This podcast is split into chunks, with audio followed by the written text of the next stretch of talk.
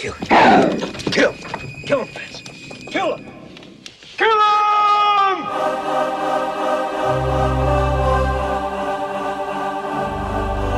The people under the stairs. Candyman, you don't have to believe. Just beware.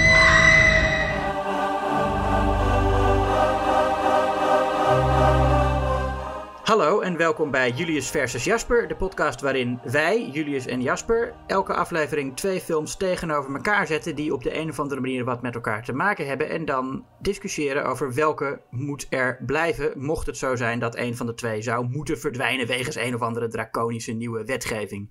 Uh, ik ben Julius Koetsier, uh, tegenover mij zit Jasper ten Hoor. Hallo niet letterlijk tegenover mij, maar gewoon aan de andere kant van de uh, uh, wereld. Want we doen het nog steeds allemaal via, via Skype en zo. Nou ja, dat hoeft je allemaal niet te weten. We gaan het vandaag hebben over twee films. ja. Ja, waar gaan we het over hebben? Ja, over twee films. Nou ja, over People Under the Stairs en Candyman, laat ik het maar gewoon zeggen. Twee sociaal bewuste horrorfilms. Twee horrorfilms over racisme en over klassisme. Twee horrorfilms uit de jaren 90 ook. En we hebben ook eigenlijk al zoveel werk. Volgens mij het meeste werk van een regisseur die wij hebben besproken is denk ik wel het werk van Wes Craven. Ja, we hebben in een vorige aflevering twee van zijn uh, mindere films besproken. Vampire in Brooklyn en, en Cursed. En ja. ja, ik vind wel, je moet een regisseur meestal beoordelen op zijn beste werk. Want iedereen kan een slechte film maken, maar niet iedereen kan een goede film maken. Dus aan een goede film zie je gewoon dat iemand een goede regisseur is. En ik had eigenlijk nooit zo in de gaten dat Wes Craven toch wel een heel goede regisseur is. Ik wist natuurlijk wel dat Nightmare on Elm Street en Scream goede films waren. Maar die People Under the Stairs, ik uh, was eigenlijk helemaal vergeten dat het echt een heel goede film is. Ja, het is een. En, en we hebben natuurlijk Nightmare en Scream en New Nightmare besproken. Ja.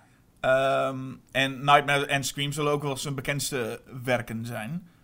Maar uh, de, de People on the Stairs is misschien wel zijn beste film.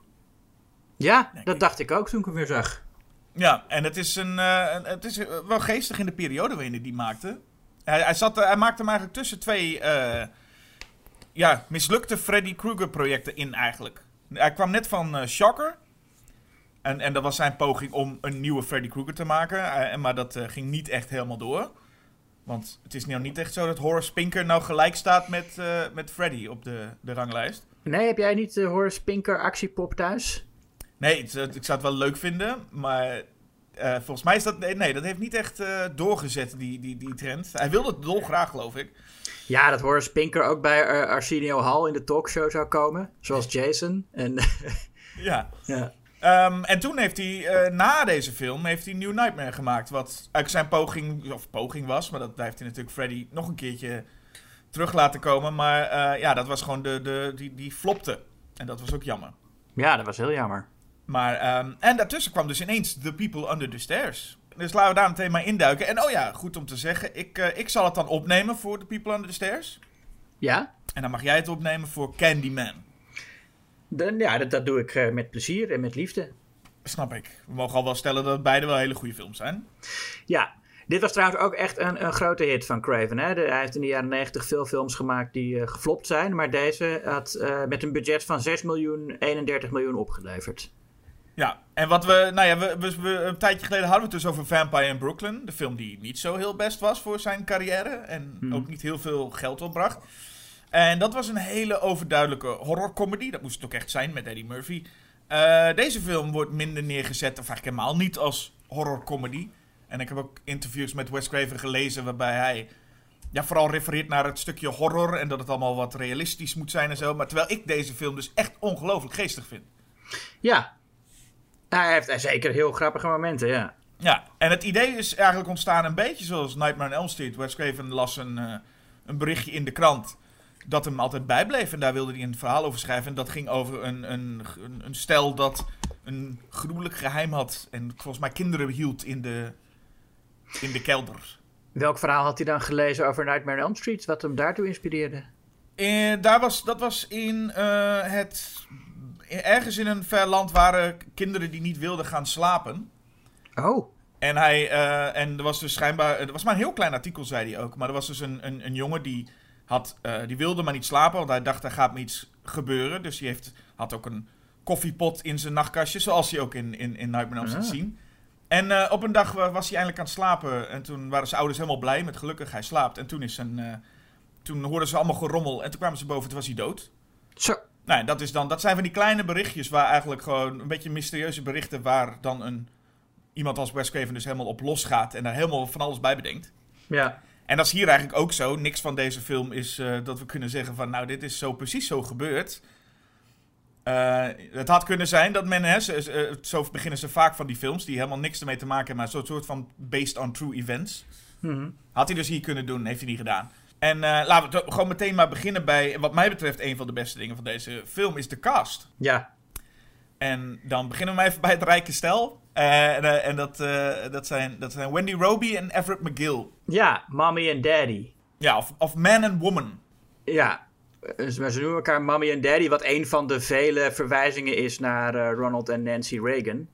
Die, dat ook, die elkaar ook zo noemden. Ja, want als we daar even op doorgaan, wat nog wel even leuk is om te zeggen, dat, dat Wendy Roby en Everett McGill, die eh, kenden we al eerder eh, als, als stel uit eh, Twin Peaks van David Lynch. Oh ja. En daar speelden ze het stel Ed Hurley en Nadine. Ja. En ja, het, het, het lijkt op een soort van stuntcasting.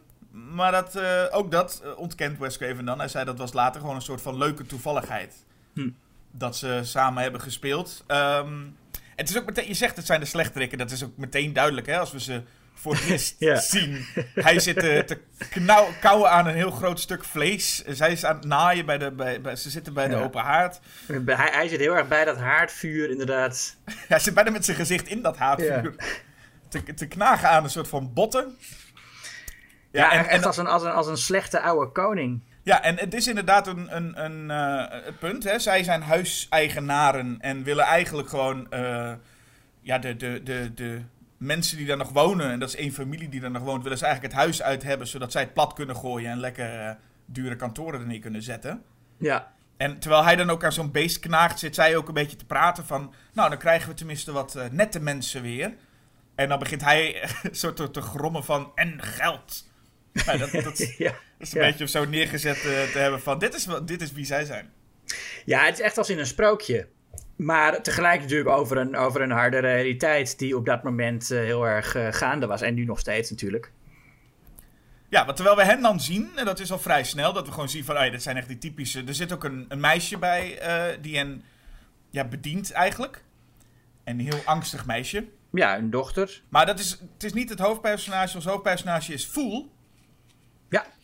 Eh, gespeeld door Brandon Quinton Adams. En ook dat is een hele goede rol, vind ik. Ja, ja ontzettend. Hij draagt de film heel goed. Ja hij, zit in, ja, hij wordt eigenlijk geïntroduceerd in de openingsscène, die ook al heel, heel sprookjesachtig eh, eh, is en heel veel over hem vertelt. Hè. Zijn, zijn zus legt allemaal tarotkaarten neer. En zijn kaart is dan de dwaas. Hij, wordt, hij, hij, wordt, hij heet eigenlijk Poindexter, maar daarom wordt hij dan ook Fool genoemd. Ehm, maar het is niet de, de domme dwaas. Het is een dwaas die gewoon nog niet genoeg weet. En hij, eh, eh, die dwaas die moet op een gegeven moment richting de zon lopen. En dan moet hij allemaal dingen doorstaan en dan komt hij eruit en dan is, het, is hij een echte man. En dat is natuurlijk ook wat er dan eh, met, met Fool gaat gebeuren. Wat in die openingsscène even heel snel beschreven wordt. Ja, en herkende je zijn zus ook? Niet direct. Ah, nou ja, het was eh, eh, de- het enige memorabele waar we het destijds over hadden. De kleding van een personage in Nightmare on Elm Street deel 5. Oh, En eh, Ja. ja, daar, hebben we, daar hebben we Kelly Jo Minter is dat. Die speelt eh, zus Ruby. Nou, ja, fashion icon uit Nightmare 5, ja. ik denk de grootste naam die we voorbij zien komen is vrij snel daarna is Ving Rhames, hè? Ja, als Leroy.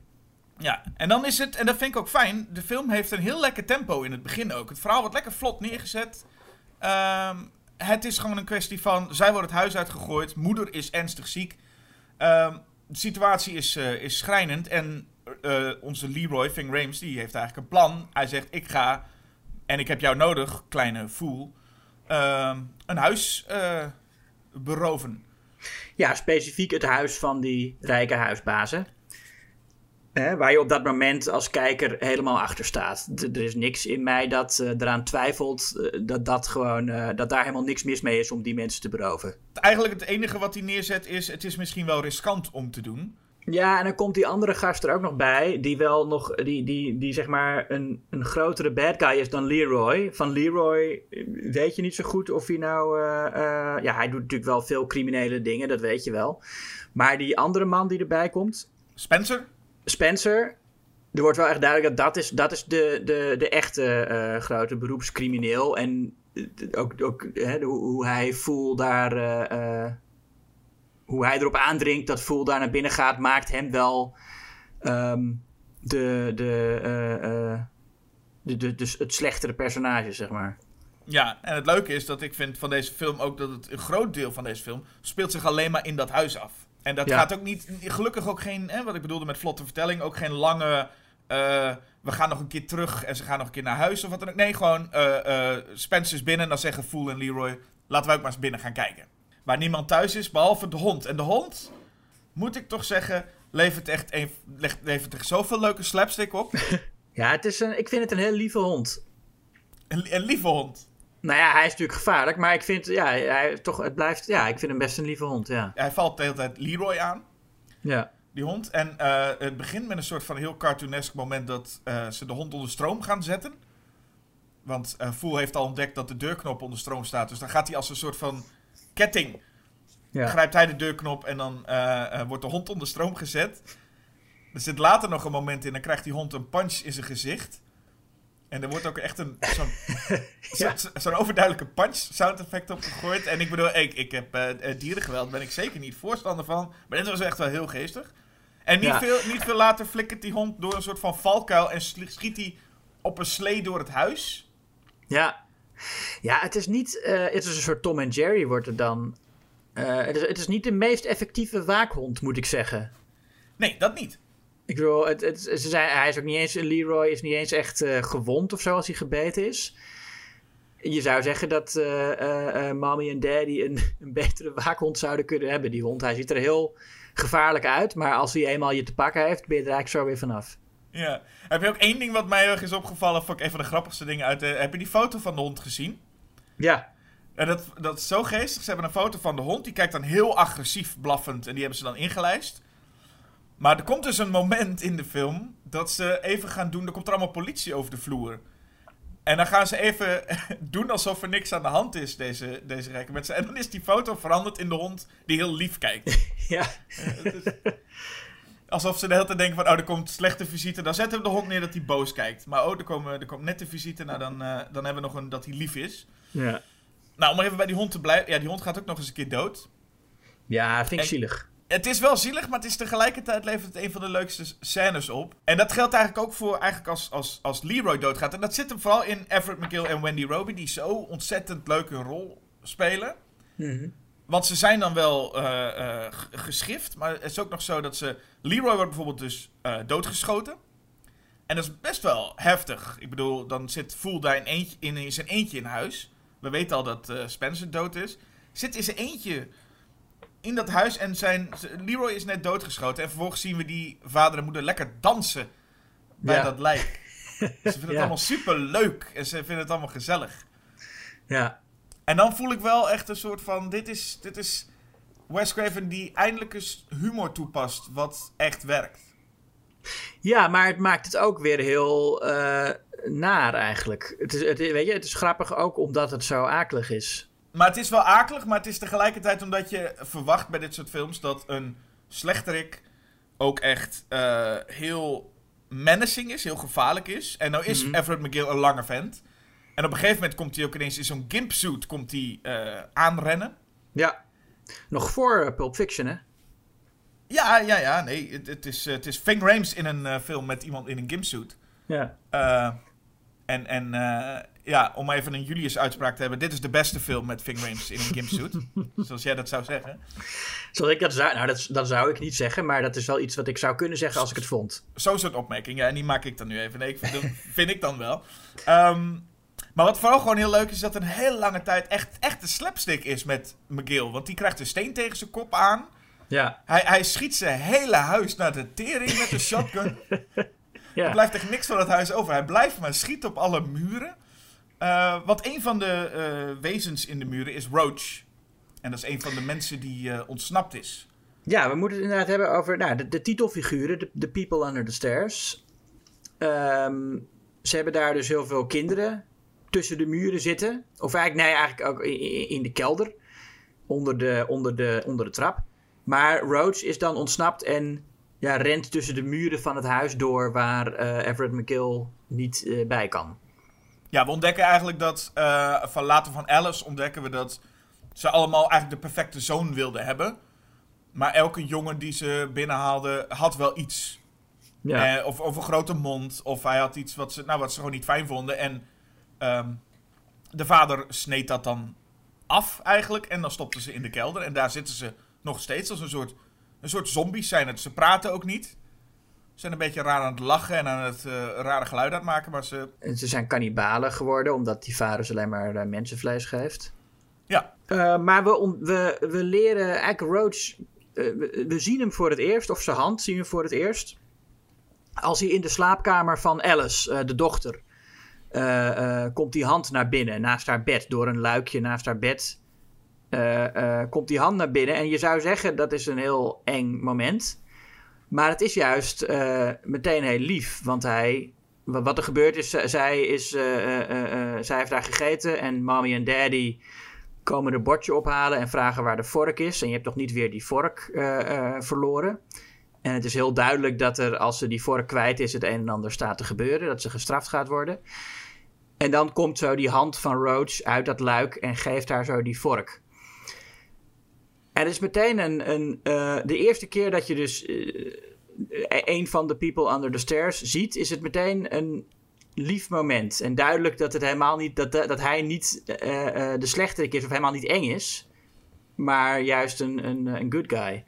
Ja. Je zou verwachten dat hij dat, dat, hij dat, eerst, dat het eerst anders zou gaan, weet je wel? Dat, dat, dat, je, dat, je, dat je eerst zou suggereren dat die people under the stairs evil zijn. Maar nee, dat is dus helemaal nooit, nooit aan de hand. Nou, een beetje denk ik wel als Voel op een gegeven moment in de kelder belandt. Dan heb je nog wel het gevoel van, hé, hey, deze... Dan vindt hij ook het lichaam van Spencer. Dan hmm. weet je het als kijker nog niet helemaal zeker. Nee, kijk, daar is wel duidelijk dat ze, dat ze een dreiging kunnen zijn. Ja. Maar je weet dan wel dat zij niet uh, de schurken zijn.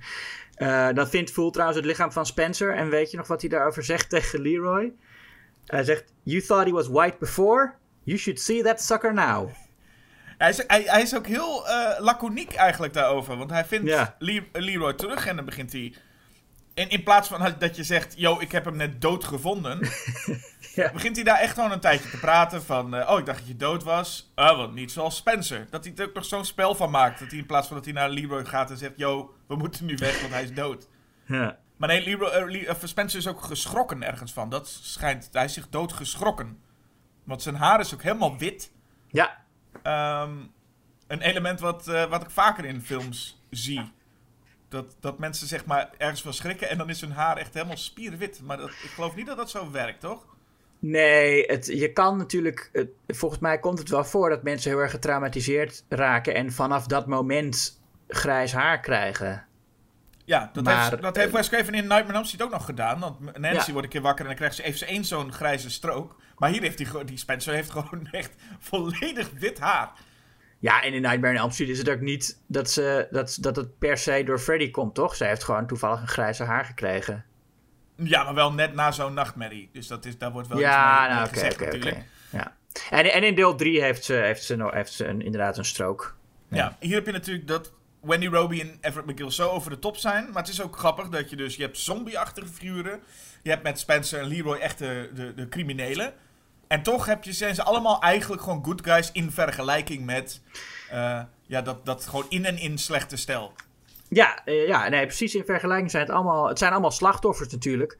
Kijk, ook, ook het feit dat, dat Spencer en Leroy criminelen zijn... Is, is uiteindelijk terug te voeren op de sociale situatie... die in stand gehouden wordt door uh, mommy en daddy. En zij creëren... Zij zijn mede verantwoordelijk voor het milieu waarin... Uh, ja, mensen uh, crimineel worden en, en gaan inbreken. Ja, en het is natuurlijk al, we zien dat de moeder van Fool, zien we in het begin, die heeft kanker. Die ligt Ja. op het bed, heeft niet lang meer. Moet ze er ook nog een keer een huis uit, omdat ze drie dagen te laat betaald hebben.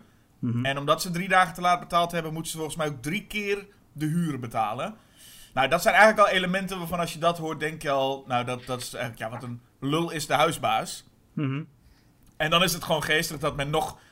eh, dat Craven nog meer over de top gaat. Dus dat we de huisbaas leren kennen als zo'n man die aan vlees zit te knagen. En alleen maar zegt: "Mm, geld. En Mhm. dan ook nog eens een keer in zo'n SM-pak met een shotgun door het huis rent. Dat je denkt: ja, er, er valt ook geen twijfel over te bestaan. Dit is Ja. gewoon. Ja, dit is gewoon echt. Dit is hem. Ja, en, en, zelf denken ze daar natuurlijk anders over. Hè? Ze, die zegt op een gegeven moment: eh, eh, We're the prisoners and the criminals roam free. Ja, het is ook heerlijk hoe ze de politie. Want dat heeft ze, op een gegeven moment staan de politie ook buiten. Hoe ze, hoe ze de politie ook een beetje bespelen. En niet heel, heel subtiel of zo ook. Maar, ehm, en dat is dus dus mijn- een van mijn favoriete scènes, is als de politie dus met z'n allen massaal langskomt nadat Fool een keer ontsnapt is uit het huis. Ja, dan zie je ze ook echt, eh, dan, dan loopt ze met zo'n schaal met koekjes langs al die agenten. Ja, En al die agenten zitten ook gretig in die koekjes te grijpen, dat daar. ja, ja. En dan staat eh, Everett McGill ook met zijn, eh, in, zijn, in zo'n vestje. En die heeft zo'n pijp aan. En dan zie je hem nog even gauw wat kettingen wegstoppen in zo'n, achter zo'n muurtje. Ja en, dan, dan, dat, ja, en dan zijn ze ook heel blij als die politie eindelijk weg is. Want dan kunnen ze eindelijk weer normaal doen. En dan zeggen ze ook oh, dat ze allemaal maar mogen branden in de hel.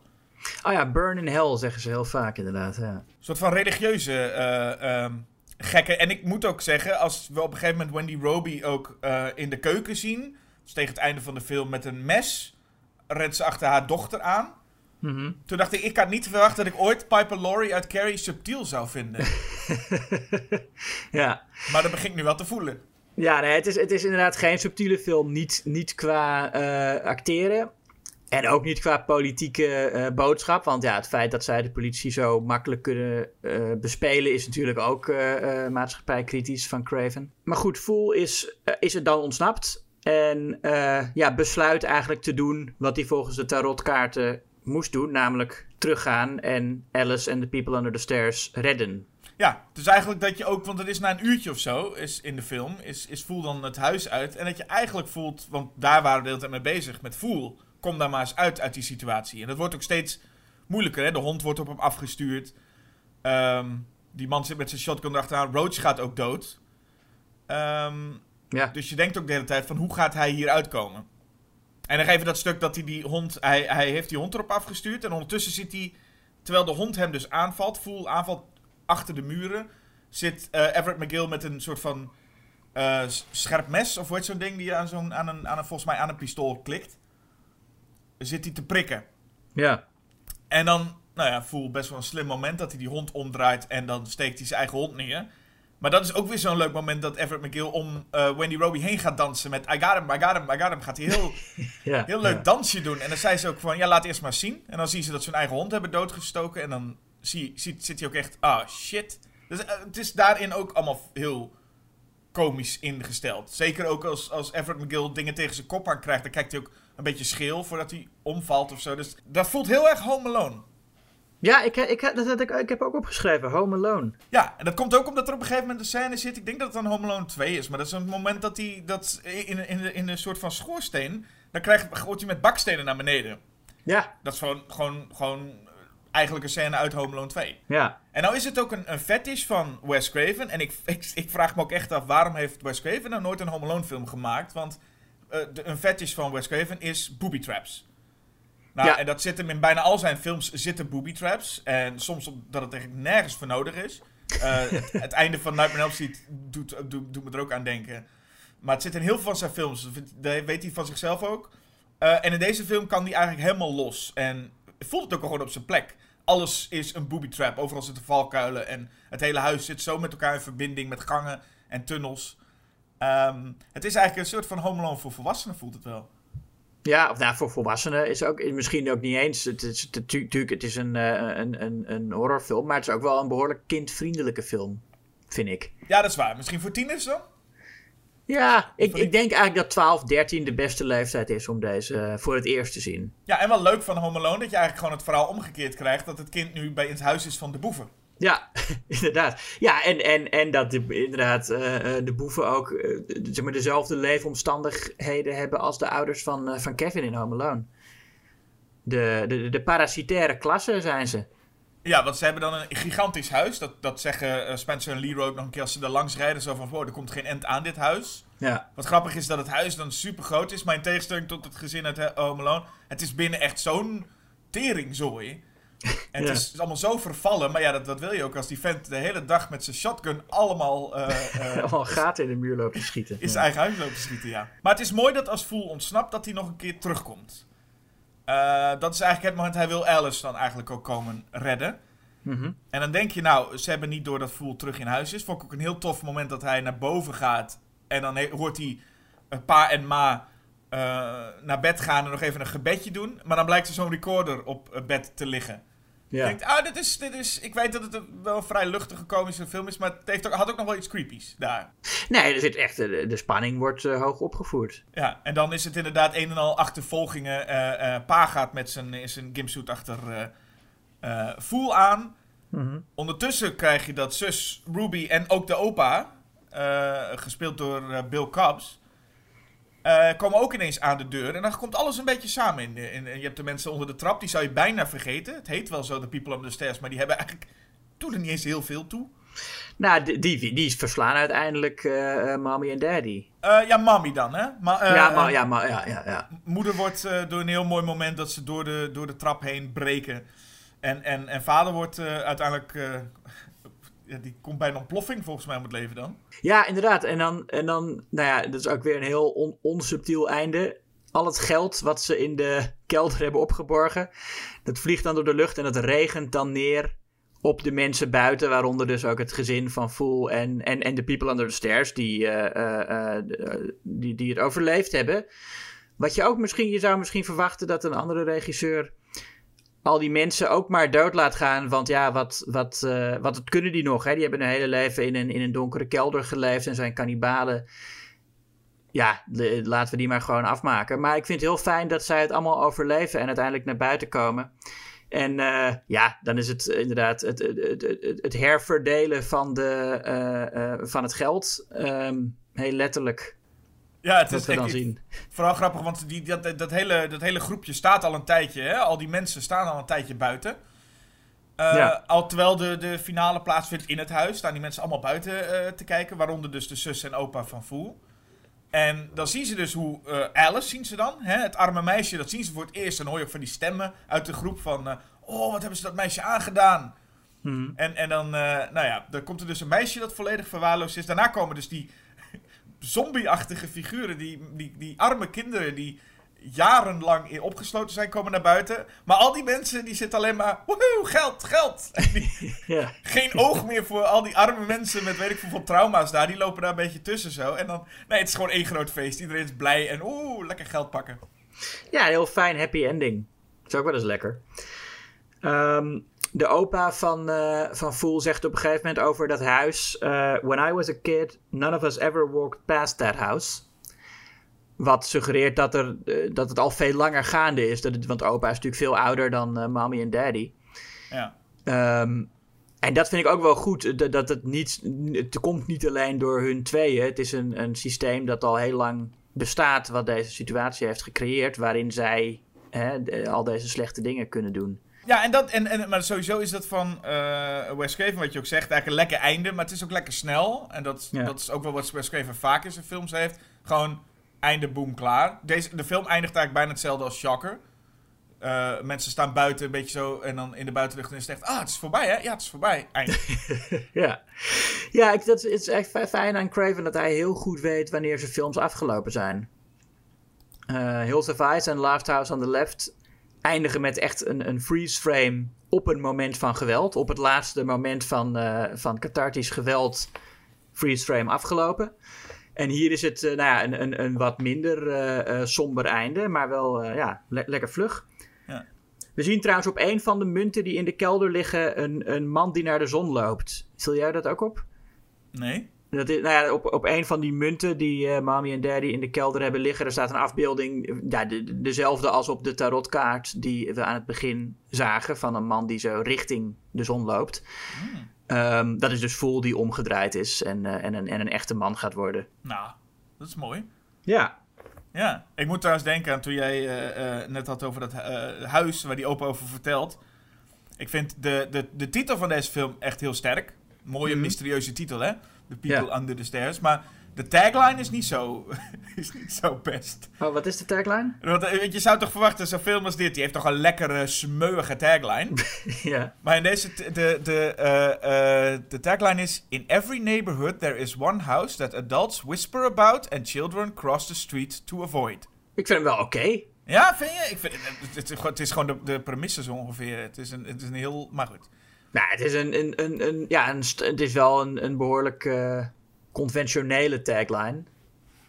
Hij vertelt je niet echt wat er gaat gebeuren natuurlijk. Hij vertelt je niet... Uh, je zou denken dat het over een spookhuis gaat of zo. Als je dat, uh, als je dat leest. Nou, het geldt ook voor de titel. Je weet eigenlijk geen, geen idee waar het over gaat. Het is niet alsof de, uit de titel en ook de, de schedel op de... de tekst, het huis staat heel centraal. Ook de mensen onder de trap. Maar het gaat uiteindelijk natuurlijk om mommy en daddy. Ja, ja, de poster is, die, is, die is ook niet zo goed. Dat is gewoon inderdaad een, een rijtjeshuis en dan in de lucht zweeft een, een, uh, een grote schedel. Ja. Wat ja, heel generiek. Het, je, zou dat je zou dat getekend kunnen hebben zonder te weten waar die film over gaat. Maar goed, het is uh, los van dat wel een hele, hele sterke film. Sterker dan je dan zou verwachten als je baseert op de poster of de tagline. Nee, absoluut. Het is, het is het is wel echt. En, en, en ik, deze keer viel het me ook op dat het echt uh, een behoorlijk radicale film is, politiek gezien ook. Um, ik denk wel, ja, uh, Wes Craven's meest expliciet politieke film. Hij, heeft, hij is altijd wel politiek bewust geweest. En hij zei ook over Last House on the Left dat het ging over hoe mensen afgestompt waren voor geweld. door wat er allemaal op tv te zien is. En de Vietnamoorlog haalt hij er dan ook nog bij. Maar dit is natuurlijk zijn meest expliciet politieke film. Ja, dat geloof ik ook wel, ja. Maar goed, een goede film dus. Minder bekend, denk ik dan.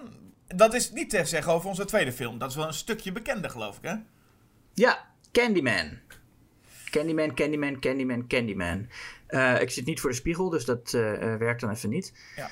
Maar uh, ja, nee, dat is, wel, dat is toch wel de, de, de, de bekendste film van Bernard Rose, denk ik. Ja, het is nog niet het bekendste werk van Clive Barker. Nee, dat zal Hellraiser zijn. Veel, ja, ik weet niet of mensen weten dat het gebaseerd is op een verhaal van Clive Barker. Uh, maar dat is het. En uh, ja, Candyman, ja, hij is natuurlijk in de jaren negentig... had hij ook op een gegeven moment een soort vergelijk... nou, niet, niet vergelijkbaar, maar kwam hij in de buurt van een Freddy Krueger-achtig figuur. Uh, hoewel hij dat in de eerste film helemaal nog niet is. Het is ik, ik zou het ook geen slasher noemen, die eerste. Maar ik snap wel waarom dat gebeurd is. Want het is, ja, er zit een, er zit een urban legend aan verbonden. Uh, als je vijf keer zijn naam zegt in de spiegel, dan komt hij zogenaamd.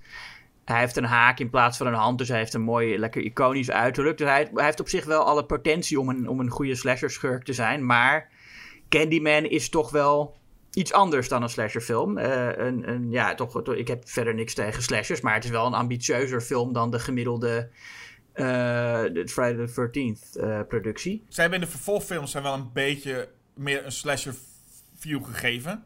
Zeker nog in de twee vervolgfilms die er zijn, is het gewoon eigenlijk een. een blijkt het ook gewoon een slasher villain echt te zijn. Ja, ja. Uh, hetzelfde wat ze met Pinhead gedaan hebben. Dus volgens mij kunnen mensen met Clive Barker's creaties gewoon niet zo heel veel kanten op. en denken ze, nou ja, dan, dan maar gewoon wat we kennen.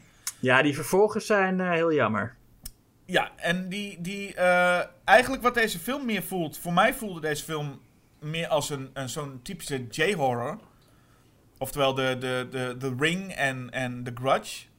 Hm. Daar, daar had deze film veel meer het gevoel. Want het gaat helemaal niet om. Het gaat voornamelijk om het onderzoek. Iets bovennatuurlijks. En dat wordt vooral onderzocht. Ik bedoel, Candyman. Uh, ja, hoe, hoeveel minuten verschijnt hij? Uh, volgens mij is hij maar een paar minuten in beeld. Ja, na, na drie kwartier of zo zie je hem voor het eerst. Het is die, die zoektocht van het hoofdpersonage mm -hmm. naar de waarheid is, is veel belangrijker. En wat ook een beetje voelde in die tijd, toen waren de slashes natuurlijk ook al wel uit. Ja. Uh, en waren ook meer serial killer films. Zoals Seven en The Silence of the Lambs waren vooral hot. Ja. En dat voel ik ook wel wat elementen van in zitten. Dat die film meer daar naartoe neigt dan echt naar de traditionele slashers zoals we het kennen.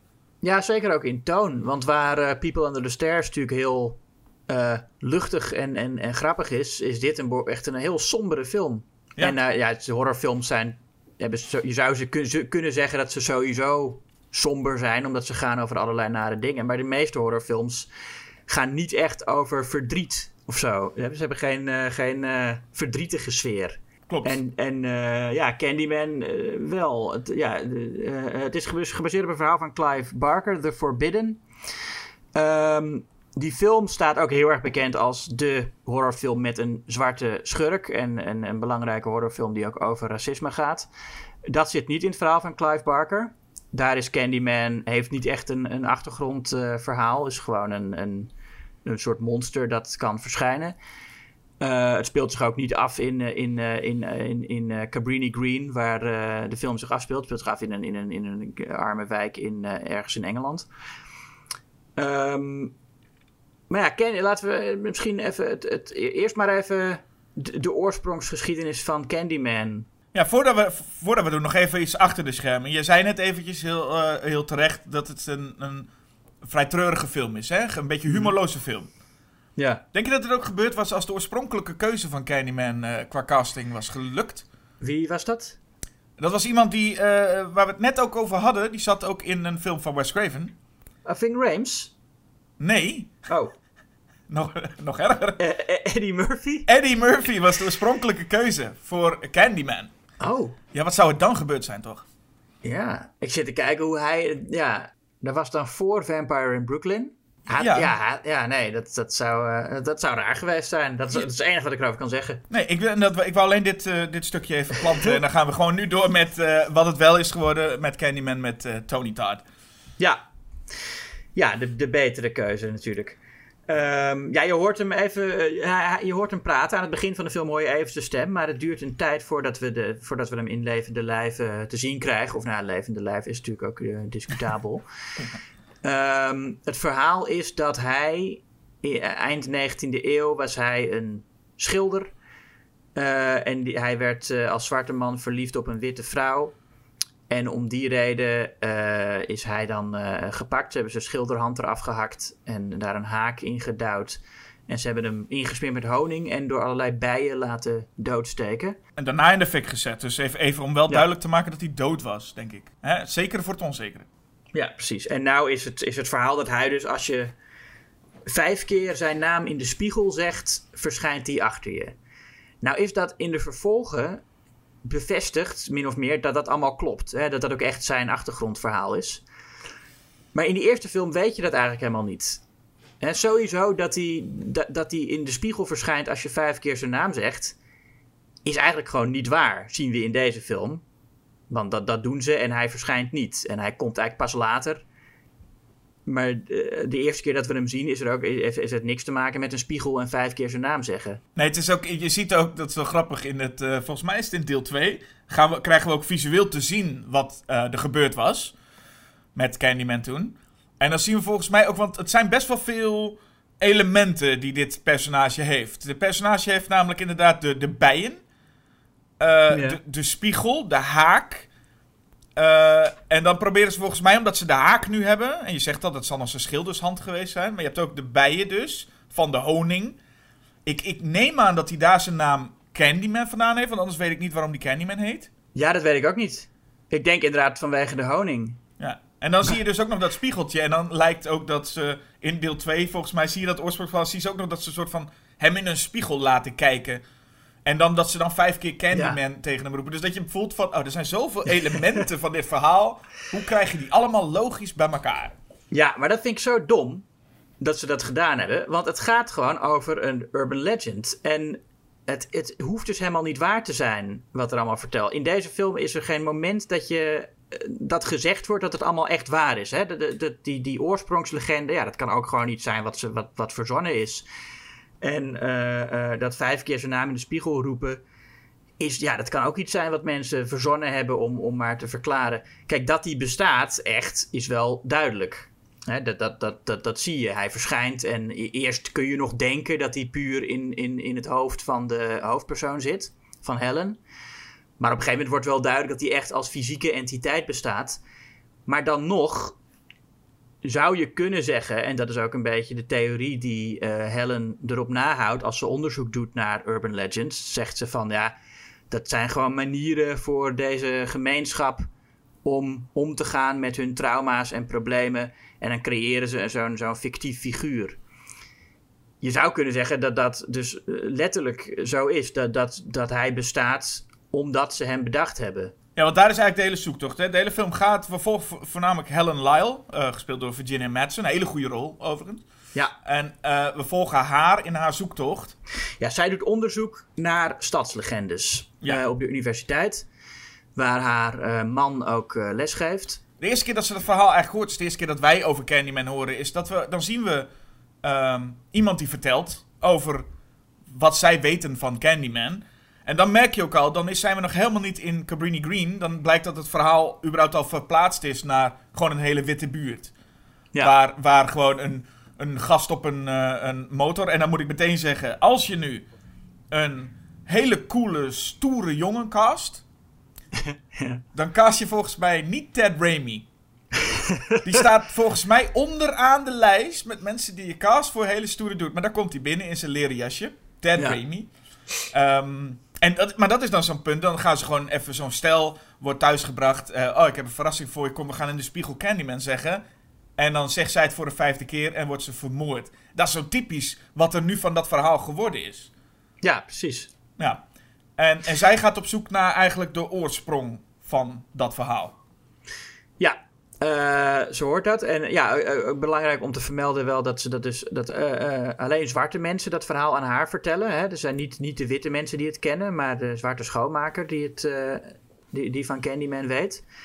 En dan gaat ze inderdaad op zoek naar de oorsprong in Cabrini Green. Um, wat in die tijd bekend stond als de Murder Capital of Chicago. In het echt dus. Cabrini Green is een, is een bestaande wijk. Uh, ja, werd toen de Murder Capital of Chicago genoemd. Dus de plek waar de meeste moorden gepleegd werden in heel Chicago. Dat, dat is nooit zo geweest. Uh, het stond niet eens in de top 5. Uh, eh, maar de reden dat die buurt vooral zo berucht was, was dat, er, dat die veel dichter bij de witte rijke wijken waren dan andere achterstandswijken. Dus daarom is die buurt onder, onder de, de witte rijke Chicago-bevolking heeft die reputatie gekregen van dat is, dat is eigenlijk vlak bij ons en dat, dat is waar het gevaarlijk is en waar het eng is. En ja, dat is ook uh, waar die film natuurlijk heel erg over gaat. Oorspronkelijk was Cabrini Green trouwens een heel mooi project. Het, het, was, het was echt een, eh, een goede wijk toen hij net opgericht werd. Na de oorlog werd hij gebouwd op, op een soort sloppenwijk. En het was een heel sociaal uh, huizingsproject. Waar uh, uh, ja, het gewoon echt uh, heel, heel, goed leven was. Maar dat is op een gegeven moment echt verwaarloosd. Nou ja, een beetje door mensen zoals de schurken in People Under the Stairs. Die niet schaven om de mensen die er, die er woonden. En als er problemen waren met elektriciteit of met leidingen, dan werd het niet gefixt. Uh, als iemand uh, vertrok, dan uh, bleef dat huis leeg staan en er was niemand die dan dat appartement wilde verkopen. Dus eigenlijk is het gewoon een project dat heel idealistisch begonnen is en een tijdje goed heeft gewerkt.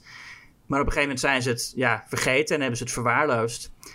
er woonden ook heel veel alleenstaande moeders daar. Ehm, en, en, heel veel kinderen. Twee derde van de bewoners waren kinderen. Um, en dat was ook omdat uh, trouwen heel erg ontmoedigd werd. Want als je getrouwd was, dan kreeg je minder steun van de overheid. Dus daarom zaten daar ontzettend veel alleenstaande moeders. Nou ja, dat is even de achtergrond van Cabrini Green. Het is echt uh, aan Bernard Rose, die heeft er echt voor gezorgd als regisseur dat de, de film deze kant op ging. Hè? Wat je al zei, Clive ja. Barker heeft daar in het verhaal... Uh, dit is allemaal, eigenlijk deze hele grote deel van deze film is, is echt van Bernard Rose en zijn ideeën om het in Cabrini Green af te laten spelen. Ja, dus Helen gaat daar dan uh, naartoe. En uh, ja, het is wel duidelijk dat zij... Uh, ze woont in een heel mooi huis, hebben we al gezien. gewoon een rijke vrouw. Die dan naar zo'n arme wijk gaat. eerst nog wel met haar vriendin van de universiteit, collega, die ook zwart is. Bernadette, gespeeld door Casey Lemons. En ja, dan komen ze daar en dan is het ook meteen duidelijk hoe zij daar gezien wordt. Hè. Er was een, een, een alleenstaande moeder die daar woont... eh, gespeeld door Vanessa Estelle Williams, vertelt van eh, ja, white folks usually don't come here except to cause us trouble. Uh, er zijn allemaal mannen die denken dat zij een politieagent is. Dus zij wordt daar eigenlijk meteen als, ja, best wel als bedreiging gezien. Wat natuurlijk wel ironisch is. Je zou zeggen dat de reputatie van die wijk. Nou, in 1992 was dat echt, echt een, wijk waar je niet heen moest. Zeker als, uh, als, als jonge witte vrouw in je eentje of, of met een andere vrouw erbij. Is levensgevaarlijk. Maar dan komt ze daar en dan blijkt dat naast de, de bedreiging die er ook wel is van, van de drugsdealers die daar zitten en zo zien zij haar ook als bedreiging. Ja. En uh, ja, zij komt daar ook om, nou ja, om, om, om, onderzoek te doen naar hun verhalen. En heeft ook meteen een vrij, ja, heel onbedoeld. Ze bedoelt het natuurlijk allemaal goed. Maar uh, toch ook een beetje een neerbuigende houding naar die mensen en hun verhalen. En ze gaat er meteen vanuit dat het allemaal bijgeloof is. En, en dat ze daarin geloven om om te kunnen gaan met hoe verschrikkelijk hun, hun leefomstandigheden zijn. En uh, nou, al vrij snel ontmoet zij dan Candyman, of iemand die zegt Candyman te zijn. Een, een, een drugsdealer die zichzelf uh, dat imago heeft aangemeten. Hè, die, die, die, die dit, het broodje aap verhaal van Candyman gebruikt om angst te zaaien. En die haar dan uh, met een haak in de gezicht mapt. Ja, want even als we teruggaan naar die zoektocht, want dat ziet dat eigenlijk ook al heel mooi. Zien we hoe zij voordat ze überhaupt naar Cabrini Green gaat. Van dat verhaal, zij spreekt, spreekt dus wat met mensen, als, als zo'n student spreekt ze heel veel mensen. En dan dat ze op een gegeven moment van de conciërge, hmm. de zwarte conciërge, eigenlijk het verhaal echt even moet horen. Daarvoor ja. speelt het zich allemaal nog af binnen die uh, collegezaal uh, met al die studenten. En inderdaad ook haar uh, man. Jij noemde het net al eventjes, haar man Trevor. Ja. Die ook les geeft. Ja, oh, die les trouwens, dat is, wel, dat is ook typisch zo'n zo'n zo universiteitscollege, uh, wat je dan in films ziet. Hè, dat hij maakt één punt aan het einde. Hij maakt één groot punt. En dat is net het moment dat, dat ze binnenkomt. Is hij daar echt één punt aan het maken. En dan hoor je de bel gaan. En dan gaan al die studenten, die staan meteen op en lopen allemaal weg. Terwijl hij nog iets erachteraan uh, roept. Dat is altijd in films, als je op de universiteit of op school ergens een college of een les ziet. Het is altijd hetzelfde. Ja, dat is, dat, altijd roept de docent aan het einde nog... Vergeet niet, morgen hoofdstuk 4. En dan ja. dat, iedereen is al weg. Ja, dat, uh, maar dat, dat, is echt... Dat zijn dan... Dat je op de universiteit zit en gewoon dat, dat de bel gaat... En dat je de, überhaupt... Dat, dat er een bel gaat op een universiteit. Ik weet niet of dat uh, in Amerika wel zo is. Maar dat ja. je er ook meteen op staat en weg, wegloopt... Ja. Terwijl die man nog midden in zijn verhaal zit. Heeft net zijn punt gemaakt.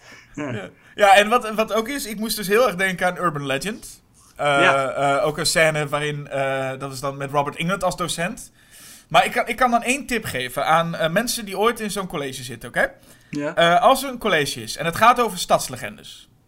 Ga dan niet, als een docent dan zegt, en we hebben ook nog dit en dit verhaal, roep dan als student niet heel hard, ja, maar dat is echt gebeurd. ja. Want dan word je, en, en dan denk je bij, bij, bij in, in Urban Legend gebeurde dat ook al. Alleen toen kon je ja. nog denken van, oké, okay, misschien was het onderwerp nog niet uh, was, begon de docent misschien met dit verhaal. Maar hier is het aan het einde van de les. Dus je moet je voorstellen, je hebt een heel college gehad over stadslegendes. En dan begint, ja. aan het einde van dat stuk begint de docent ineens met... Ja, en je hebt ook nog iets van... Wat is het? Alliga een alligator in het riool? Ja. En, dan gaat iemand roepen... Ja, ja, ja, maar dat is echt gebeurd. En dan zegt iemand anders ook nog weer van... Ja, in New York is dat ook echt gebeurd. En dan denk je... Oké, okay, jullie krijgen waarschijnlijk gewoon meteen een onvoldoende, hè? ja, maar wat is ook die les? Hij zegt alleen maar... Ja, die verhalen zijn niet waar. Ja, dat is het. Hij stipt het aan. Nog vlak voordat de pijl gaat. Gaat hij ja. nog, even, nog even. Oh, ik heb nog een verhaaltje. Ja, is ook. Uh, oh, het staat in de krant. Nou, dat zal het wel waar zijn. En dan ging de pijl. Ja. Uh, dan krijgen we een, een, een element dat misschien minder belangrijk lijkt. Maar wat nog wel een element gaat worden. Is dat Trevor. Ja, misschien wel een klein dingetje heeft met een medestudent. Of met ja. een van zijn studenten. Ja. Maar daar komt er nog allemaal op. Maar het is, het is toch. Dan zie je Helen nog even in die sfeer. En die sfeer krijgen we ook als ze aan een tafel zit met de. Nou ja, onder, onder andere meer die, die, die Britse snop. Ja. En dat is de professor die even gaat. Uh, vertel, die vertelt even de geschiedenis van, uh, van Candyman, die jij net al verteld hebt. Ja. Uh, en voor mensen die denken, wat een lul. Want het is sowieso wordt een beetje neergezet, hè, die snop. Er wordt een beetje net als een lul. Ja. Eh, die, die man eh, eh, eh, ga, krijgen we eh, het is terug te zien in eh, deel 2. ja. Dat, dat is dan wel geest. Dus als je, die man, als je denkt van wat een lul, die zou ik graag dood willen hebben. eh, eh, kijk de openingsscène van deel 2. ja. Ehm, Maar nogmaals, eh, ik vind het echt vervelend dat in de vervolgen bevestigd wordt dat dat verhaal wat hij daar vertelt echt gebeurd is. ja, Dat vind ik echt een vergissing. en daar voel je ook dat ze daar heel veel moeite mee hebben. Om wat we wel zeiden, die, die, al die elementen van het verhaal moeten ook gewoon zijn van ja, wat is nou het echte verhaal? Is dat er wel echt? Eh, daar, daar speelt Bernard Rose in deze film mee en daar kun je gewoon niet. Want in de vervolgen wordt gewoon bevestigd inderdaad van... Ja, er was gewoon Candyman. En die, die, die Ja. komt, verschijnt gewoon achter je als je eh, vijf keer Candyman. En dan, dan maak je hem zo niks zeggend mee eigenlijk. Ja, hij krijgt er ook die naam, hè? eh, Daniel Ro Robitaille. Ja. Eh, veel mensen denken dat hij in deel 1 al die naam heeft, maar dat is niet zo. Want zijn vader is rijk geworden door de massaproductie van schoenen. Ja, Zoiets. ja en hij was in die tijd dus een zwarte man die al sowieso al de witte bevolking tegen zich had, omdat hij natuurlijk gewoon rijke middenklasse was. Alleen, ja, dus Candyman is heel lang afwezig. En dan, eh, Helen wordt aangevallen door een bendelid. Of eigenlijk een bende. En de bendeleider zegt de Candyman te zijn en slaat haar neer. Ja, En dan zien we dat ze op de, eh, in het politiebureau heel serieus genomen wordt. En dat ze echt heel erg, eh, nou ja, daar gaan ze echt iets aan die bende doen. ja, En dan wordt er ook wel een statement gemaakt hè, van ja, er zijn moorden gepleegd op een klein jongetje en op een, op een vrouw. Maar nu is er een witte vrouw in elkaar geslagen. En nu wordt er wel een zaak van gemaakt. Nu gaan we Ja, er echt wat aan doen. En op het moment dat dat is gebeurd, verschijnt voor het allereerst de echte, zeggen, ze dan, Candyman. Of in ieder geval Tony Todd verschijnt dan. ja. Eh, een heel, eh, ja, echt een eh, prachtig creepy moment dat ze in die parkeergarage staat en haar eigen naam hoort. En dan ziet ze nog een heel eind in de verte staat eh, Candyman inderdaad. Met, met, nou, omdat het zonlicht achter hem is, is zie, je, zie je ook helemaal niet zo goed hoe die eruit ziet. Het is meer een, bijna een silhouet. Ja, en hij is, hij is een beetje een, een, als we moeten omschrijven, is hij een beetje een combinatie van Pinhead en Dracula, heb ik het gevoel. Want hij heeft natuurlijk, hij, Ja. hij, hij spuwt die hele duidelijke eh, eh, Clive Barker teksten, die, die, die gooit hij eruit. Ja, De ene soort van one-liner naar de andere, over, over flash en, en sweets to the sweet and pain. ja en, en, en, en dat de pain ook exquisite is. Hè? Dat is ook wel iets wat hij inderdaad gemeen heeft met eh, Hellraisers. Ja, Pinhead en, en, en Candyman zouden echt een keer een soort van rap battle moeten hebben. Nou, er was, er was een keer sprake dat eh, Candyman versus Hellraiser zou gemaakt zou worden. Dat eh, wilde Tony Todd toen niet, omdat hij dat eh, te- te ver vond gaan. Tony Todd Maar- wilde dat niet. Oh, god. ja, ik weet niet of, of andere mensen het wel wilden hoor, maar in elk geval Tony Todd zag dat helemaal niet zitten. Nee, maar Tony Todd, ik bedoel, de, Tony Todd is de, de initiatiefnemer van Candyman deel 3. De enige die, die dat op dat moment wilde. En als je die film gezien hebt, denk je, nou, ik kan niet voorstellen dat er nog iets is wat lager is dan, dan dit. En ik denk dat Ja. Doc Bradley ook overal voor getekend had. Dus op zich was het niet eens zo gek geweest, denk ik. Nou ja, het, ik- het, had, het had natuurlijk een hartstikke leuke film kunnen zijn. We zullen het nooit weten. Nee. Maar ondertussen, nou, het kan ook, ze, zijn, ze leven allebei nog, dus. Ehm, maar ondertussen is het ook een soort van, want het is wel een charmeur. Ik bedoel, het is niet een, Ja. een, een, eh, ondanks dat hij misschien, oké, als hij zijn jas open doet, denk je wel, dat ziet er niet zo fris uit. En ook die haak. Maar als hij daar staat, het is wel Tony Todd, het een mooie man, een mooie, mooie diepe stem. Ja, Dat je ergens denkt van, nou, eh, ik, en en Helen is daar ook, eh, nou ja, in trance als ze hem ziet spreken. En dat je ergens voelt van, ja, ik snap het wel ook. ja dat hij. Wat, snap je dan? Dat hij. Dat je, dat je als, als Tony Todd op mij af zou komen met die stem en hij fluistert die woorden naar me, dan zou ik ook wel even helemaal wegdromen Oh. daar. Ja, Dat. ja precies. Ja. Maar ehm, het feit dat wat er daarna gebeurt is dat. Hij, ja, er wordt daar wel een beetje duidelijk dat. Of ja, eigenlijk niet duidelijk. Waarom hij nou daar is voor haar. Iets van: Jij was niet tevreden met de verhalen, zegt hij, dus ik moest nu komen. Ja, er wordt aan hem getwijfeld en dan moet hij vlees worden. Als Wat- zij, als zij was bezig hem te, te, te demystificeren eigenlijk. Hè? Zij, ja, zij, zij dacht dat de Candyman, dat het hele probleem gewoon inderdaad die ene bendeleider was. En dacht, nu is het opgelost. En eh, ja, als er een bedreiging komt voor het bestaan van Candyman als legende, dan moet hij echt worden. Maar is het niet zo dat, want dat, dat zou je dan linken aan het feit dat die bendeleider, dus dat er bij wijze van spreken overal in het nieuws zou komen, bendeleider opgepakt, Candyman blijkt dus toch niet te bestaan. Maar zijn verhaal is toch al ver verspreid. Ik bedoel, we zagen het in de, in de openingsscène in een soort van witte buurt met, met Ted Raimi als, eh, is, is het al tot verspreid. Dus het is toch niet dat, maakt Candyman zich hier nu echt zorgen van, oh jee, straks denkt iedereen dat ik niet echt ben. Nou ja, ik, eh, eh, ik weet niet of hij zich echt daarover zorgen maakt. Maar het is wel iemand die probeert het verhaal te ontkrachten. Die moet te grazen genomen worden. Ja, het is mij nog een beetje onduidelijk, de, de film, waarom hij nou op dat moment terugkomt. Ja, nee, het is, het is ambigu natuurlijk, ja. Nou, laten we in ieder geval even doorgaan. Want wat gebeurt er met Helen is dat zij dan op dat moment eh, wakker wordt. Eh, en de hond heeft onthoofd. Weer een dode hond. Dat is ook een... een Ja. eh, en volgens mij ook een soortgelijke hond trouwens, nu ik het zo bedenk. Eh, een, een Rottweiler. Volgens mij is het dezelfde hond als in The People on the Stairs ongeveer. Het Ja, echt, dat zou- ja, het zou best kunnen. dat, dat verbindt deze, deze twee films nog meer. En de baby is verdwenen. En Ja, de baby van, eh, van, van de moeder die ze eerder heeft gesproken. Ja, en bij deze, dit moment, maar misschien de hele opzet van de film. En misschien ook wel omdat Virginia Madsen een hele goede rol speelt. Ik moest heel erg denken aan The Invisible Man van 2020. Eh, Ja. in, in het idee van. En dat is ook op het moment dat zij, dus die moeder die haar kind kwijt is, eh, helemaal in paniek is. En zij met een mes in haar handen haar probeert te kalmeren, waardoor de politie Ja. binnenkomt. En de hele tijd dat je denkt, ja, leg dit maar eens uit. Het, zijn, het, zijn de wat, het is een beetje zo'n sinistere variant van Even Apeldoorn bellen dit.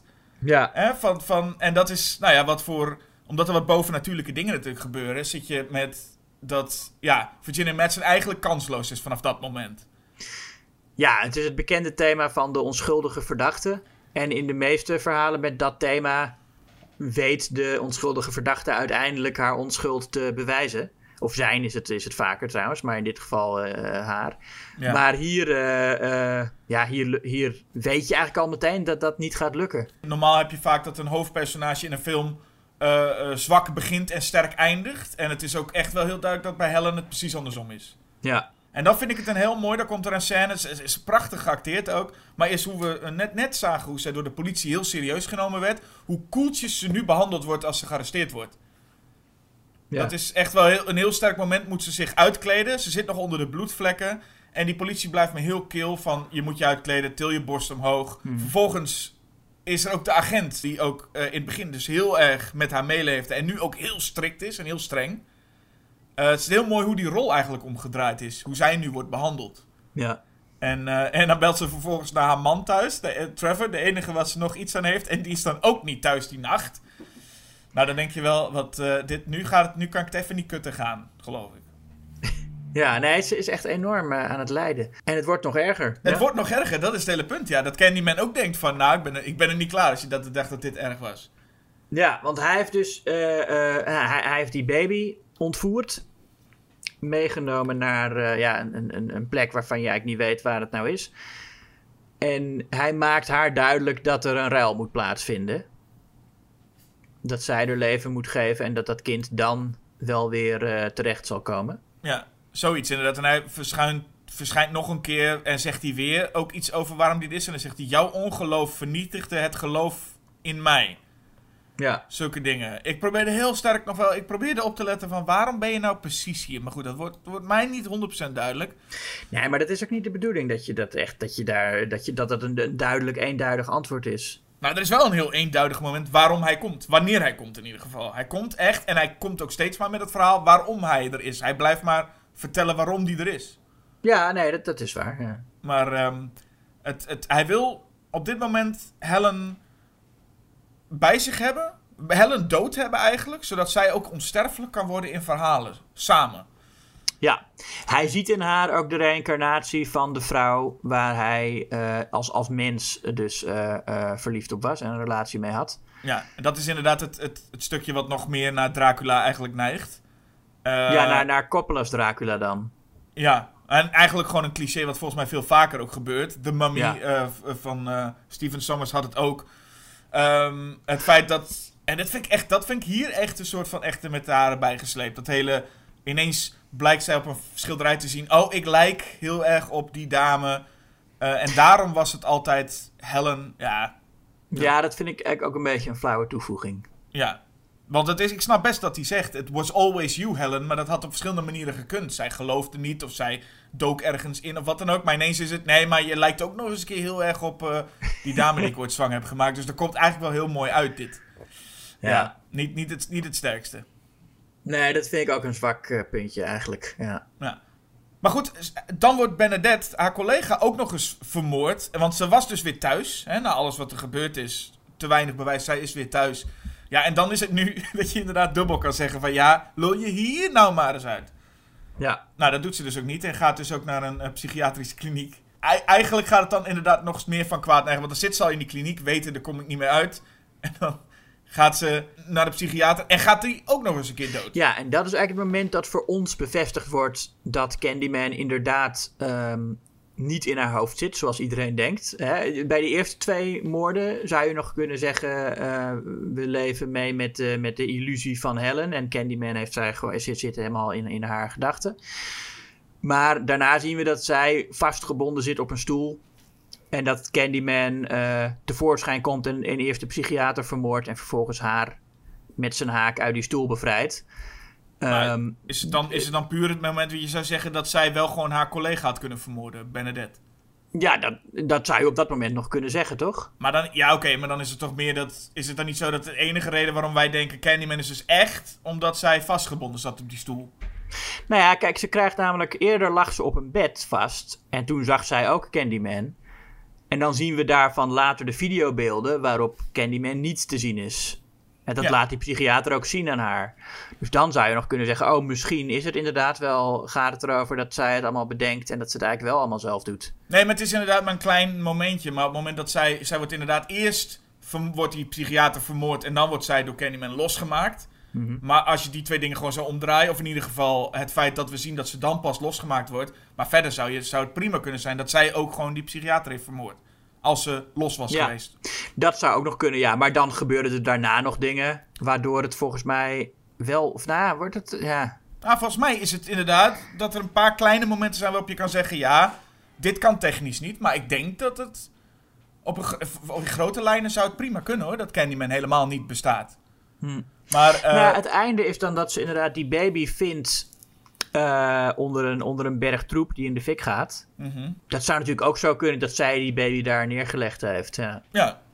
Wat ik wel Ja, wil zeggen is zou trouwens bij die, bij die psychiater. Als ik ooit bovennatuurlijke krachten zou hebben, zou ik zoals Candyman panden willen verlaten. Dat je, hij springt daar zo achterstevoren zo het raam uit. Ja, je ziet, wel, je ziet wel vrij duidelijk de kabel hangen waaraan Tony Todd eh, eh, weggetrokken wordt. Of misschien is het een stuntman, dat weet ik eigenlijk niet. Ik denk dat Dat, zie je niet, dat kun je niet echt zien, maar je ziet wel de, de- dat hij aan een kabel hangt. Ja. Hoewel ik zeg, wel, ik zeg trouwens wel, ik denk dat het een stuntman is, maar Tony Todd heeft zelf ook zijn bek vol met bijen.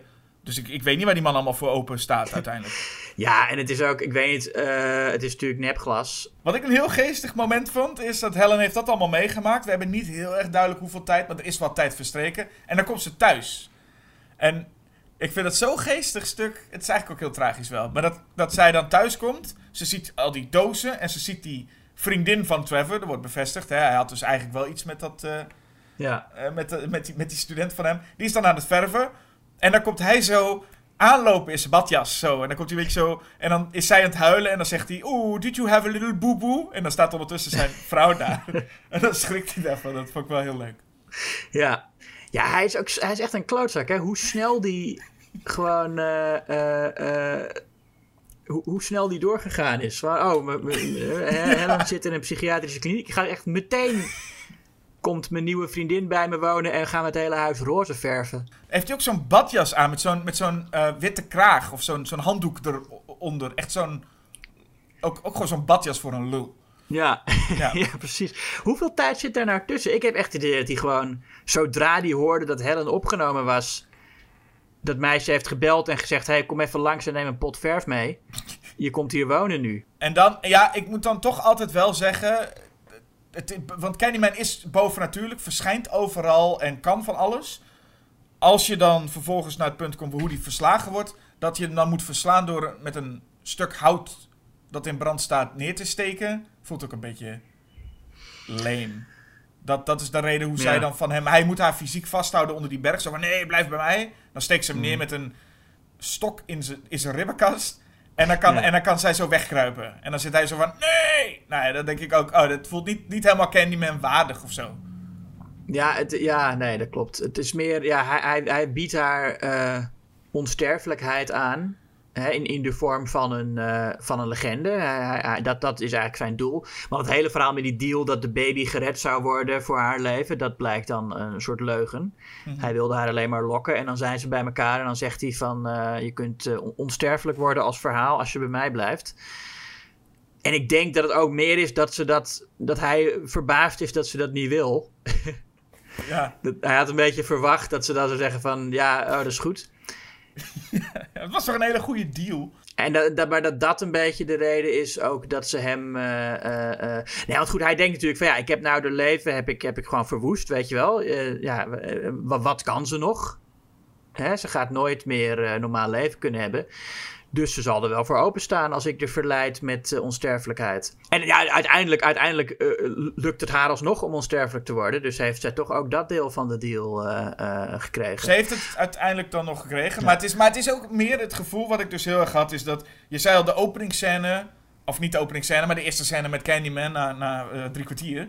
In die parkeergarage is heel heerlijk mysterieus. Ja. En dan vind ik het spijtig. En dat ga, in de vervolg is dat nog erger. Maar het, dan vind ik het gewoon spijtig als je dan zo'n mysterieus figuur... Op een gegeven moment in die kliniek zweeft hij ook heel mooi boven haar. eh, Ja. eh, als ze op bed ligt.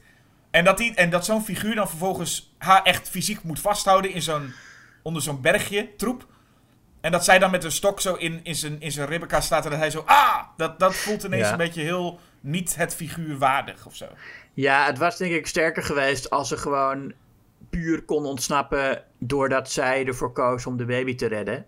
En niet zichzelf te redden. Ja. Dat was een, eh, een sterker eh En misschien, geweest. misschien dat ze hem overal zou kunnen zien staan of zo, terwijl hij met haar praat. Maar niet dat, dat ze echt met een soort van worsteling, dat ze hem nog los kan krijgen. Dat ze denken, als ik hem nou in het gezicht sla, misschien helpt dat. Ja, dat moet je dan met zulke figuren ook gewoon niet doen.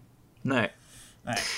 En eh, nou ja, goed, dan, dan, dan, wordt hij, dan verbrandt hij dus weer. Hè? De, de, de berg met troep staat in de fik en Candyman blijft erin achter. En Helen kruipt naar buiten, wel reeds brandend, maar met eh, de baby voor zich uit. Die is helemaal, eh, komt er zonder kleerscheuren uit. Nou.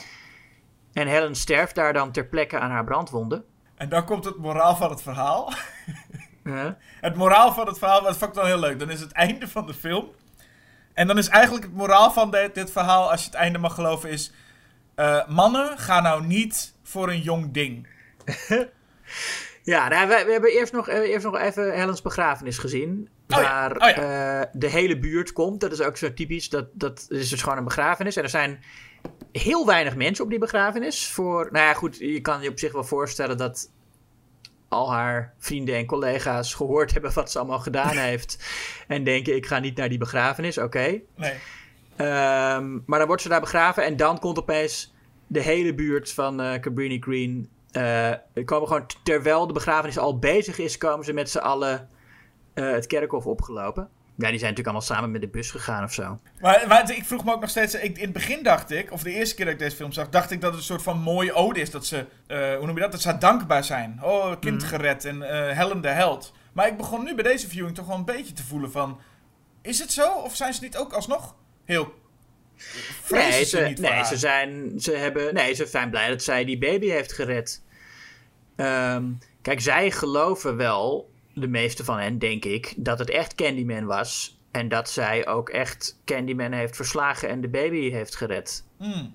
Ja, Dat, dat- dat, wordt, dat is in elk geval de suggestie. Ja, dat, dat maakt de film ook wel een beetje problematisch. Dat je dan een beetje dat white savior idee hebt.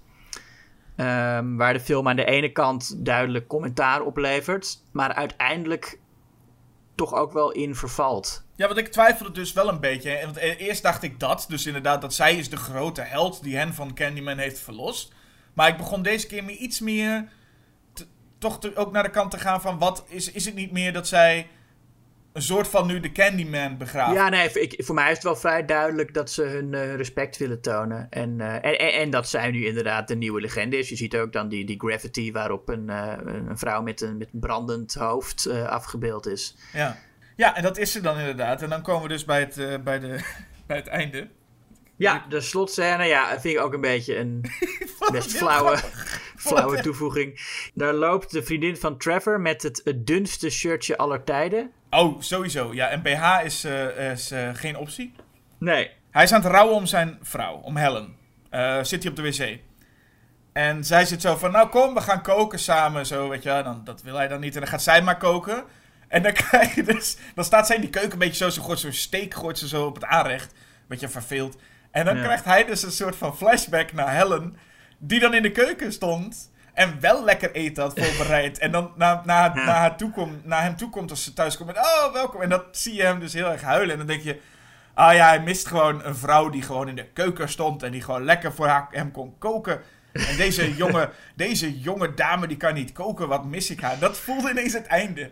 dacht ik, is dat het moraal nu? Van jongens, hè, mannen met je midlife crisis, doe het niet.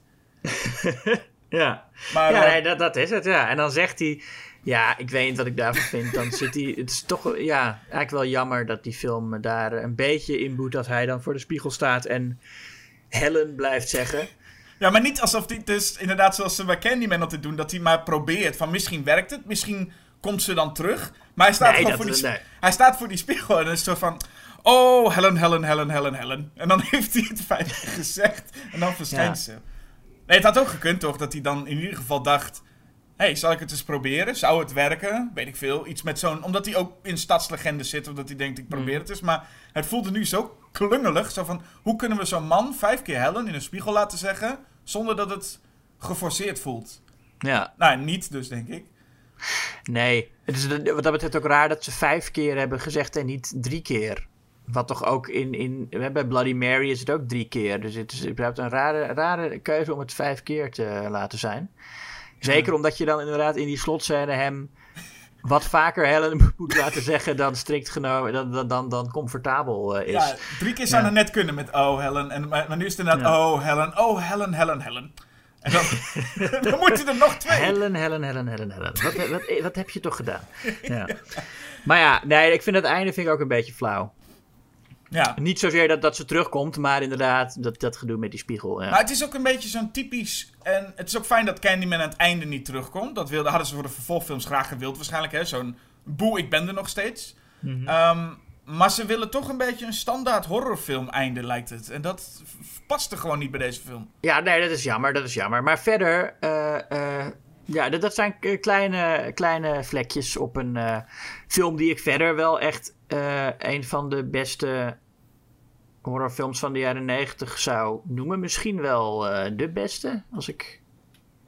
Misschien vergeet ik iets, maar als het gaat over de, zeg maar, duidelijk, duidelijke genrefilms, hè, films die echt duidelijk in het genre horror zitten, is Candyman toch wel zeker de top 5 van de jaren 90. Ja, je zegt, Ook- je zegt vergeet ik er een. Eh, Ja. ja, je vergeet de People Under the Stairs. Ja, nee, People on the Stairs. Ja, ja, ja. Nou ja, ik wou nog zeggen, de, de, de muziek in Candyman, die hebben we allemaal niet besproken, van Philip Glass. Oh ja. Is ook een heel mooie, melancholische eh, eh, score. Ik vond het vooral leuk dat Philip Glass, die dus al heel bekend was, benaderd was door Bernard Rose. En dan eigenlijk toen hij de score klaar had, dat hij zei: Potverdorie, eh, ik heb gewoon muziek gemaakt voor een horrorfilm. Dat wist ik niet. Oh. En dat hij heeft er nu wel vrede mee. Hij heeft zelfs volgens mij ook voor de tweede film muziek gedaan. Maar dat hij in het begin dus eigenlijk niet. Dat hij niet wist dat hij het voor een horrorfilm aan doen. En dat heel veel mensen ook dat vreemd vonden. Dat Philip Glass gaat zich nu eh, muziek maken voor een horrorfilm. Ja. Maar goed, Candyman geen people on, is geen People Under the Stairs. Dus dan mag jij nog even heel duidelijk uitleggen waarom Ja, Candyman. Dat, ja ik, ik, ik weet niet of... of- Ja, dat is moeilijk. Ik moet eigenlijk eerder vragen. Ik, ik ga niet vragen waarom Candyman, want daar heb je al heel veel, heel veel over gezegd. Waarom moeten People Under the Stairs weg, Julius? Nou ja, weet je, eh, ik vind Candyman is, is uiteindelijk toch de rijkere en interessantere film. En, ook, en hij is ook eh, eh, eh, enger. Hij is spannender. Ja, het zijn, ik zijn, allemaal, het zijn allemaal niet heel veelzeggende woorden natuurlijk, maar eh, ja, dat vind ik gewoon. Kijk, ik vind People Under the Stairs heel goed. Het zijn natuurlijk allebei eh, echt eh, heel mooie, politiek bewuste en spannende horrorfilms. En de, de een is heel somber en de ander is heel luchtig en geestig. het is ook niet eens zozeer zo dat ik meer heb met sombere films dan met geestige films. Dat, dat is niet zo. Maar ehm, ik vind toch die, die scène in Candyman dat die voor het eerst verschijnt in de parkeergarage.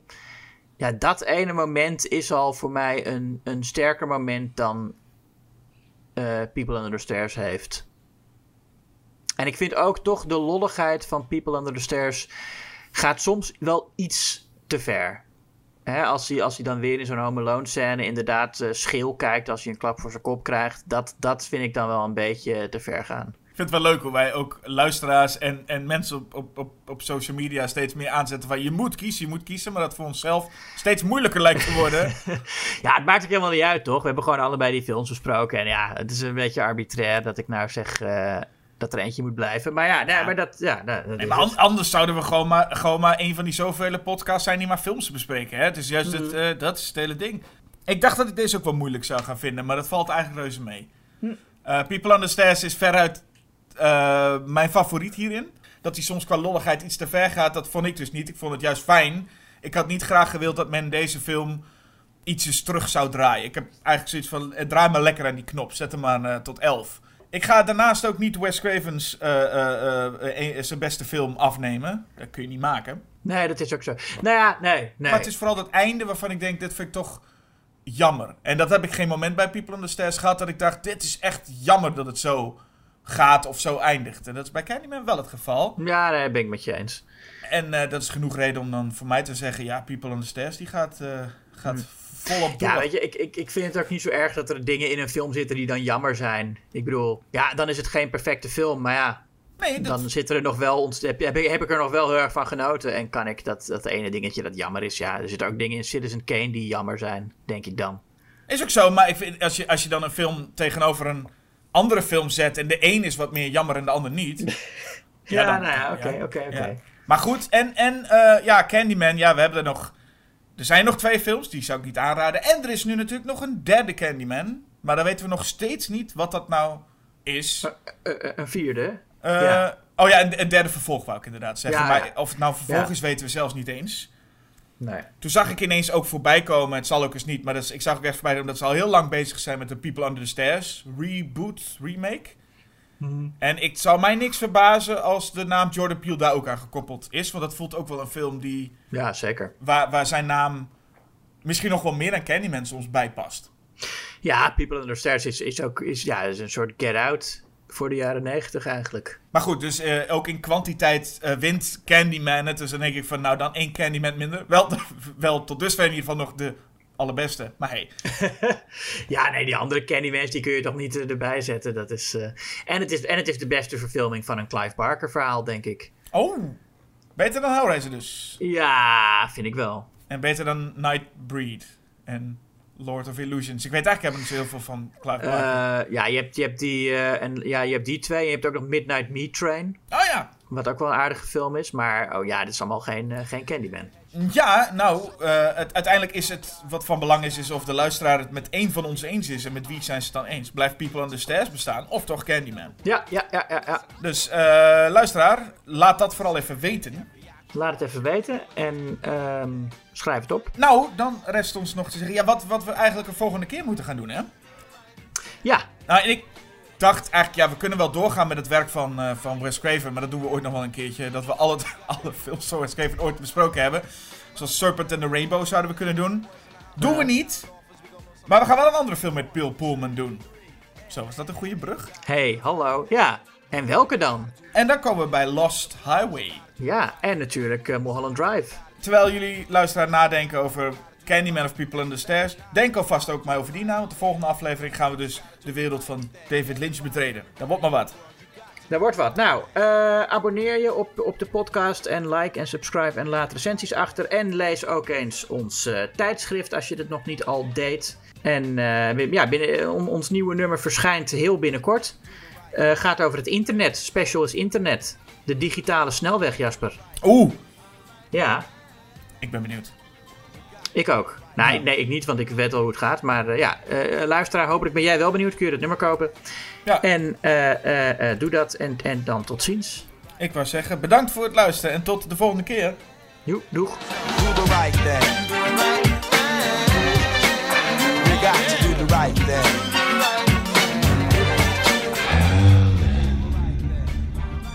Is that? Helen, I came